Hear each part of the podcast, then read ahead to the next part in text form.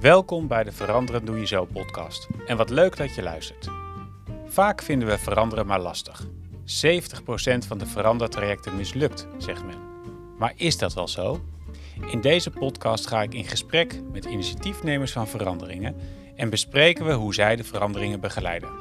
Is er een succesformule of vereist elke verandering een andere aanpak? Vielen er zaken tegen en heeft een andere aanpak toen wel geholpen? Met deze podcast hoop ik jou inspiratie te geven over hoe jij jouw veranderproject kunt aanpakken. Of hoe je zelf met veranderingen in jouw omgeving kunt omgaan.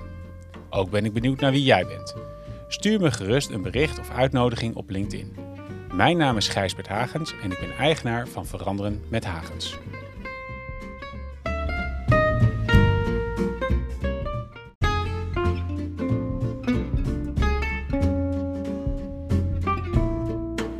Deze aflevering is Jeroen Cox de gast. Jeroen vertelt over hoe duurzaamheid en circulariteit een steeds belangrijkere rol zijn gaan spelen bij KPN.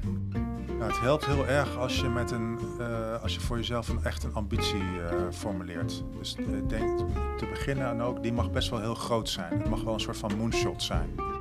Ik spreek met hem over wanneer en hoe de transitie in gang is gezet en hoe dit van een klein groepje initiatiefnemers is uitgegroeid naar een beweging binnen het gehele bedrijf, inclusief strategische partners uit de hele keten van productie tot retouren. Welkom Jeroen in de Veranderen Doe Je Zo podcast. Superleuk dat je aanschuift uh, vandaag. Uh, voor degenen die luisteren, zou je eventjes voor willen stellen. Wie ben je? Nou, ik ben Jeroen Cox, ben 53 jaar, uh, getrouwd, twee zoons en ik werk voor KPN. En wat doe je precies bij KPN? Ja, mijn formele titel is uh, Strategic Lead for Energy and Environment. En dat betekent dat ik uh, bezig hou met uh, wat wordt onze visie op de lange termijn. Ik probeer dat door te vertalen in programma's. nou ja, de juiste doelen stellen samen met de managementteams en de board. Nieuwe onderwerpen tafelen. en zorgen dat dat goed wordt verantwoord naar buiten toe. Mooi, mooi compleet pakket aan, aan werkzaamheden.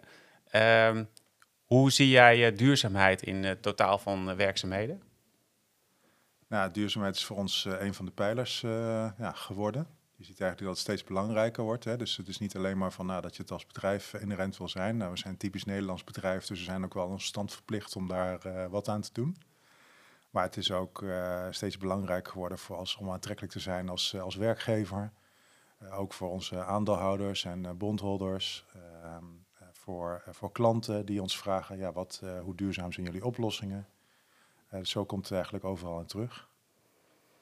En als je nu kijkt naar de afgelopen periode, hè, een aantal jaar geleden uh, was er misschien ook in Nederland minder aandacht voor.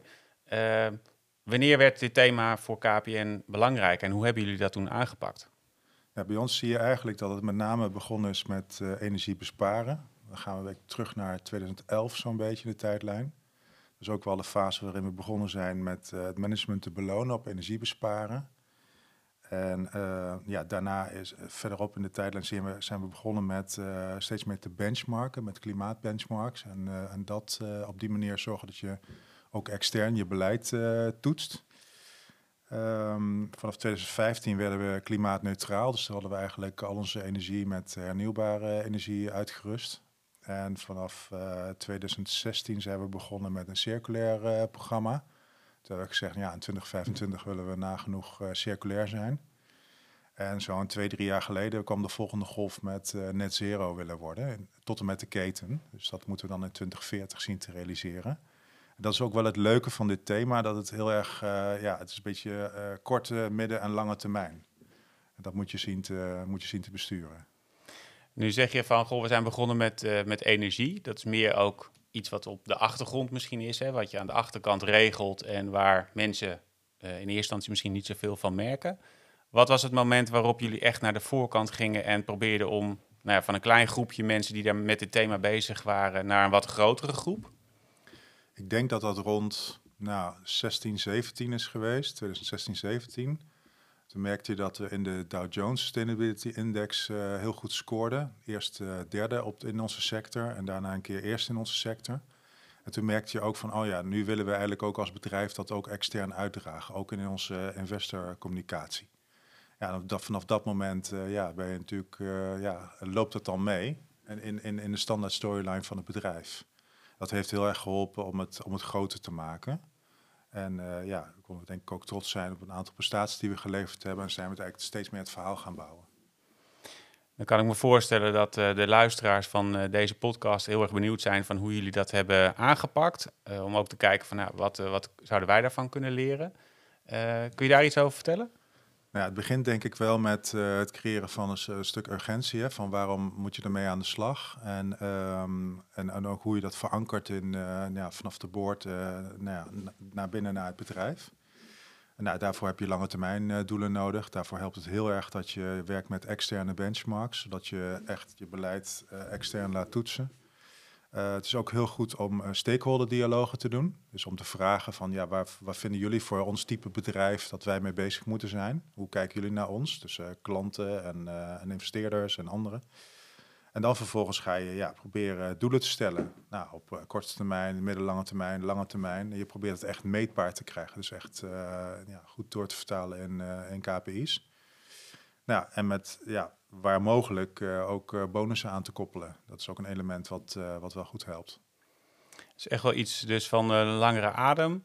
Hebben jullie dat dan in een soort van drie of vijf jaren plan, of misschien zelfs nog wel meer ge Ja, zeker. Dus is, dus, dus het komt tegenwoordig gewoon in jaarplannen voor. En, en daarnaast sommige doelstellingen zijn zoals, ja, het is eigenlijk het thema van KPM wat, het, wat, wat als eerste hele lange termijn doelstellingen heeft. Dus zelfs tot 2040. Dus dat is eigenlijk bijna geen enkel ander thema dat in het jaarverslag zo'n lang, uh, zo'n lang, ja, zo'n lange tijdshorizon heeft. En uh, ja, dat maakt het ook wel heel leuk. En wat is er voor nodig om uh, alle afdelingen eigenlijk mee te krijgen in die gedachten? Ja, ik denk aan de ene kant ook veel interne communicatie en ook externe communicatie en, en veel herhaling. Dus consistent herhalen van, weet je, wat zijn onze doelen, wat willen we bereiken, en ik denk ook heel erg belangrijk kunnen inleven in de context van die afdelingen, die heel verschillend kan zijn. Dus uh, marketing heeft een hele andere context dan finance en inkoop ook weer. En je moet eigenlijk je kunnen inleven in uh, ja, wat, wat is belangrijk voor iedere discipline. Want uiteindelijk voor zo'n duurzame transitie heb je al die disciplines nodig. Dus het heeft ook niet zoveel zin om één uh, mooi verhaal te maken, centraal en hopen dat het uitkomt. Maar je moet echt ja, het zien te verankeren in al die functies actief uh, aan de slag dus. Ja, ja. ja. Leuk. En um, kun je ook iets vertellen over hoe je dan uiteindelijk je, eigenlijk je hele omgeving van toeleveranciers uh, daarin hebt meegenomen? Want KPN staat natuurlijk midden in de maatschappij en uh, je kan natuurlijk zelf met iets beginnen, maar de meeste impact maak je ook op het moment dat je andere partijen daarin meeneemt en enthousiast maakt. Ja, een van de, het heeft een collega van me bedacht bij, bij Inkoop en um, we hebben op een gegeven moment bedacht van ja, we willen eigenlijk circulair worden. En dat kunnen we dus niet alleen. En toen hebben we iets bedacht wat heet het Circulair Manifest. En het is eigenlijk een soort principeverklaring van nou weet je, KPN wil circulair worden per 2025 en wij nodigen eigenlijk de belangrijkste uh, leveranciers voor ons uh, uit om een strategische relatie aan te gaan op dat thema. En definieer dan twee of drie projecten dit jaar hoe jij helpt om nou ja, aan dat doel te werken. En dat was wel een nieuwe manier. Dus het niet meteen proberen het helemaal contractueel uit te regelen, maar toch veel meer op een soort van innovatieve manier uit te nodigen om samen te ontwikkelen.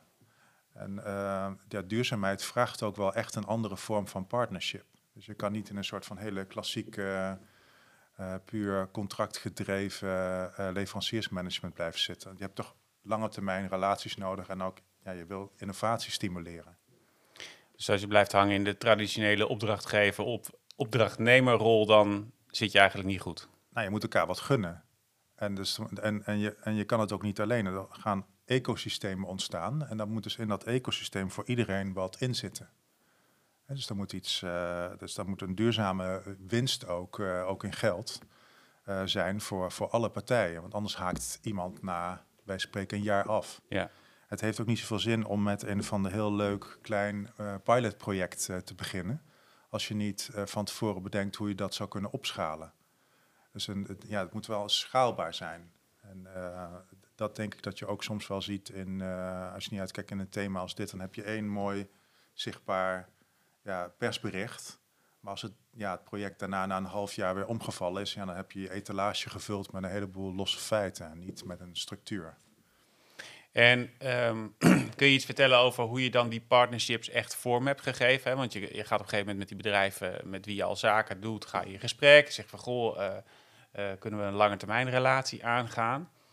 Uh, wat is er voor nodig om van de traditionele verdeling tussen opdrachtgever opdrachtnemer naar meer partnership te gaan? En anderen hebben ook een bepaalde verwachting. Hoe ga je daar dan mee om?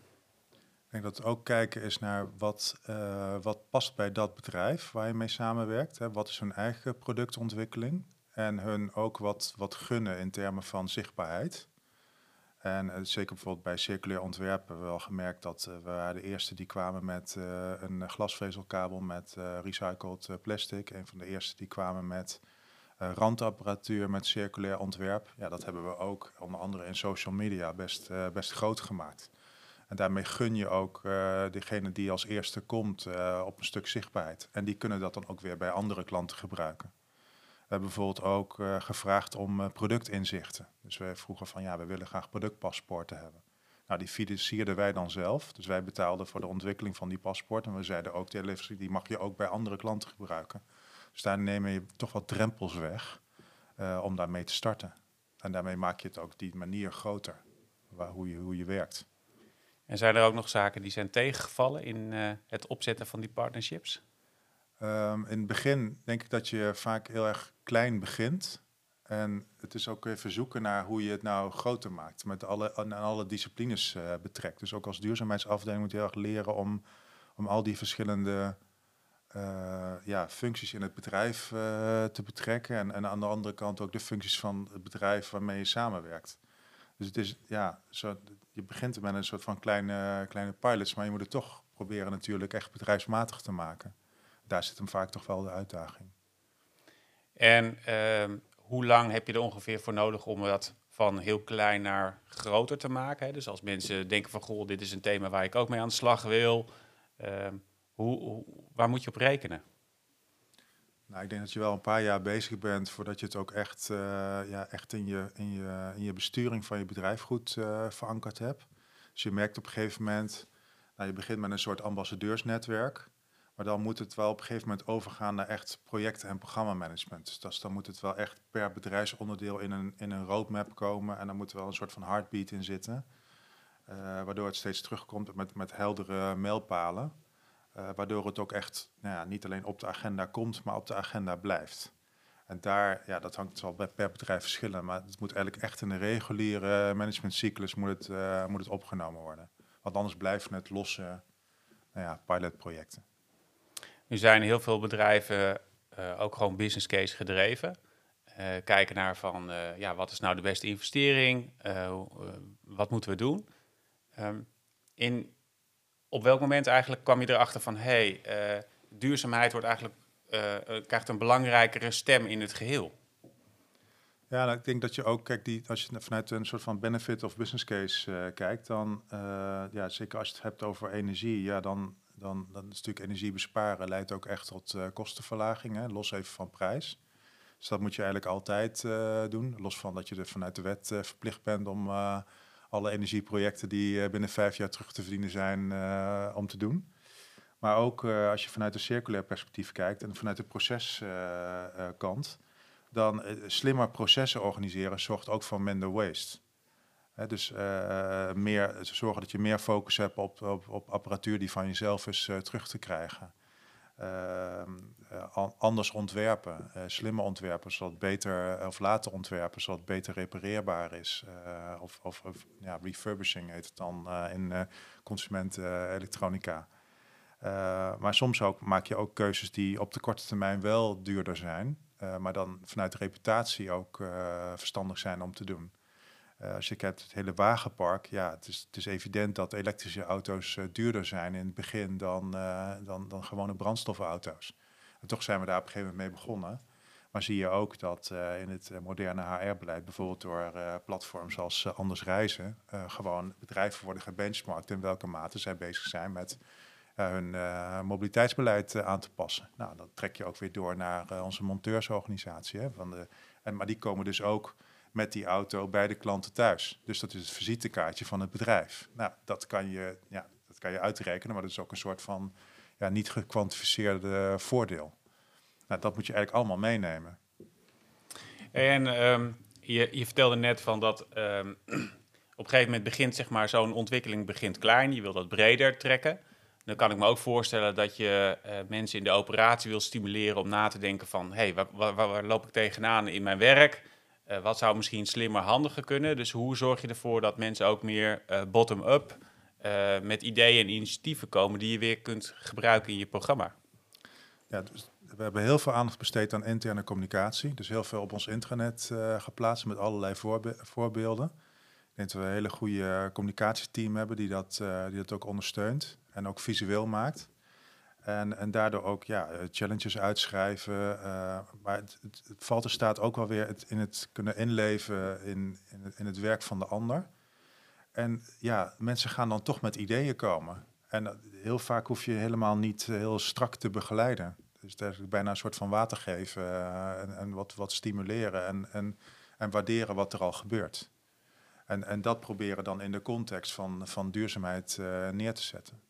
En als mensen het meteen al vanuit, vanaf het begin meenemen, ja, dan ga je hele mooie dingen krijgen. We hebben bijvoorbeeld pas een project uh, zijn we nu aan het doen met uh, een, een, school waarbij oude monteurskleding wordt, uh, wordt ingenomen. En die wordt dan gekeken van ja, wat kunnen we daar nog mee doen?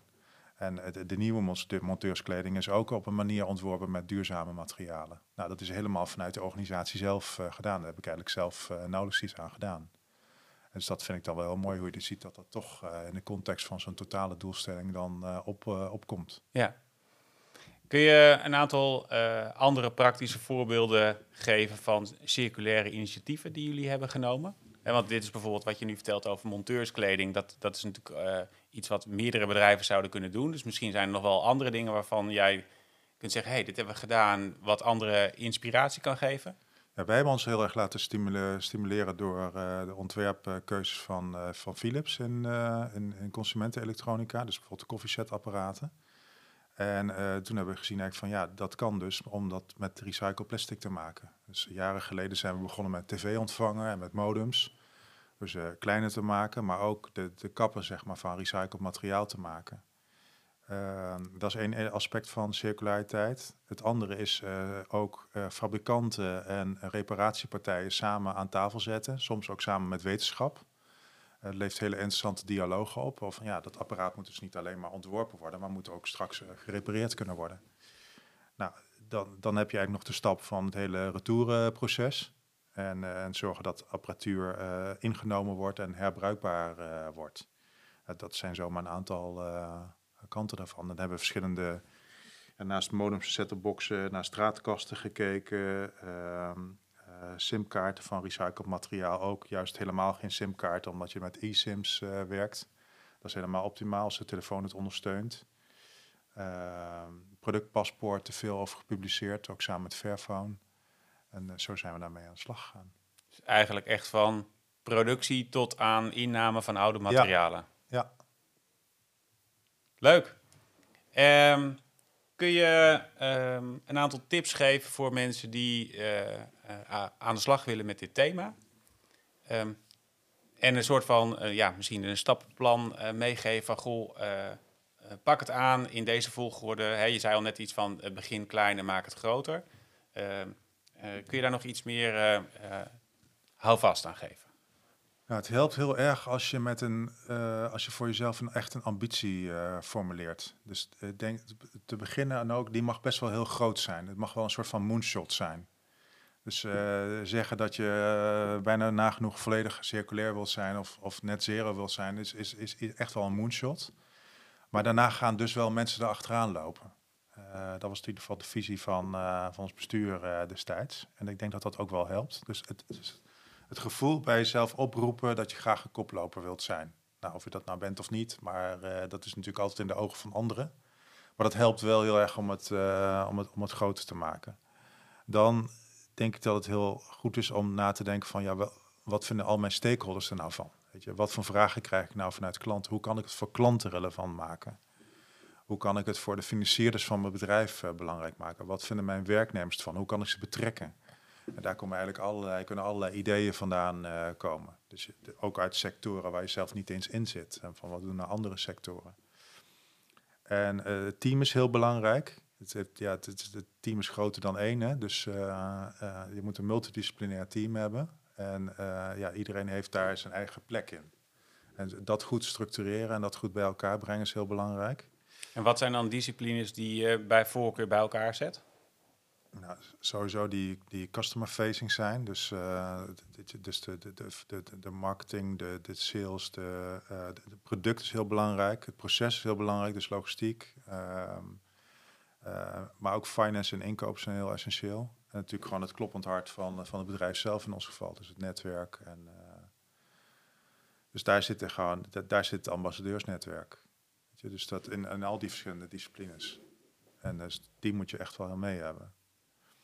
En, en, en dus het is ook niet zo dat je iedereen meteen, uh, alle 10.000 man in ons geval, uh, meteen uh, zeg maar het in een werk moet hebben zitten. Maar je, je, begint wel met dit soort type functies ja, die, die, een, die een duurzaam product of een dienst bepalen. En vervolgens draag je dat uit. Ja. En daarnaast vind ik het ook wel belangrijk om, om echt goed focus aan te brengen. Hè, want het is ook een soort van duizend bloemen kan dat in, in verzanden, zeg maar. En dus je moet ook wel een programma hebben en een roadmap. En, en, en proberen te bedenken van ja, weet je, wat is er al? Dus waarderen wat er al is. En, van, en dat ook echt goed benoemen. daar op een positieve manier mee omgaan. En, en, en, aangeven van ja, dit hebben we dus eigenlijk al goed gedaan. En dan is het, ja, als je die kant op wil bewegen, dan zijn dit de logische volgende stappen. En dat, dat moet je ook samen doen. Dat kan je niet alleen maar vanuit de centrale uh, visie bepalen. Dat moet ook ja, gedragen worden vanuit uh, de units die het allemaal uitvoeren en doen. dus dat is een soort samenspel wat je moet zien te, zien te organiseren. En tenslotte is het ook wel heel belangrijk om echt vanuit feit te blijven werken. Dus ik vind het heel belangrijk dat je echt fact-based werkt. Ja, dat haalt ook soms wat emotie eraf die er kan zijn. Um, dat, dat zorgt er dat je ook heel duidelijk hebt van ja, in welke mate is nou schaalbaar en, en hoe, maak je impact? Waar zit de impact? Uh, je kan alles aanpakken. je wil echt ook vanuit impact werken. En hoe hebben, je, hoe hebben jullie succes gemeten? Ja, je hebt gewoon een hele, gewoon een jaarverslagen, zeg maar. Daar heb je allemaal standaarden voor. En dus tegelijkertijd is het ook een soort van mix tussen, uh, ja, in tegenstelling wat ik nou net zei, maar het is dus ook een, een soort van mix maken tussen, sommige dingen zijn klein, maar hebben wel een hoge emotionele waarde. Uh, dat kan zijn koffiebekers weghalen of zorgen dat de, de, de, giveaways van de, van de, van de, van de kerst worden aangepakt. Of bij, nou ja, dat soort zaken. Dus dat het consistent beleefd wordt. Dus de walk the talk, zeg maar. Wat niet altijd heel groot is ja, tot, tot veel grotere dingen als energiecontracten en, en dat soort zaken. En als je nu naar de, de toekomst kijkt, ehm, wat zijn nou zeg maar de zaken die je heel graag zou willen bereiken? Enerzijds wat jullie al als doelstelling hebben gedefinieerd. en misschien nog wel iets waarvan je stiekem op hoopt dat je zegt van hé, hey, dat zou ik eigenlijk ook nog wel willen realiseren. Hoe, hoe ziet die toekomst er dan uit? Ik vind dat een bedrijf als ons, dat, dat, dat kan een hele belangrijke rol vervullen in de Nederlandse energietransitie bijvoorbeeld. Um, dus dat hebben we, ja, we zijn een grote energiegebruiker, dus hebben dat sowieso, uh, zijn dan als stand verplicht om daar iets mee te doen. Nou, we hebben nu uh, een, uh, een, een, een, samenwerking aangegaan op een groot windpark. Nou, dat gaat vanaf 2027 gaat dat draaien, Hollandse Kust West. Um, dat doen we samen met Eneco. En um, ja, dus dat is een hele mooie beweging. En daar komen vervolgens ook weer een heleboel andere zaken achterlangs. We zijn bezig met zonnepanelen. We zijn, uh, data wordt steeds belangrijker. Dus we bewegen naar een wereld. het einddoel moet ook zijn uh, 24-7 carbon free. Dus ja, op dit moment waait natuurlijk de wind en de zon schijnt nou ja, misschien maximaal 70% per dag. Dus batterijen gaan daar een, een rol in spelen. Dus op een moderne manier zeg maar, in die energiehuishouding van Nederland staan, dat is denk ik nog wel een echt een belangrijke volgende stap uh, voor ons. Daar ook weer diensten op te ontwikkelen. Dus dat, uh, dat ligt allemaal nog een beetje voor ons. Nog genoeg uh, werk aan de winkel ja, dus. zeker. Nou, super. Ehm, nou, in ieder geval denk ik dat je een heel mooi inzicht hebt gegeven in nou, de aanpak van KPN. Ehm, hoe je ketenpartijen eigenlijk meeneemt en enthousiast maakt. nou, en ook met de uitdagingen die daar, daarbij horen.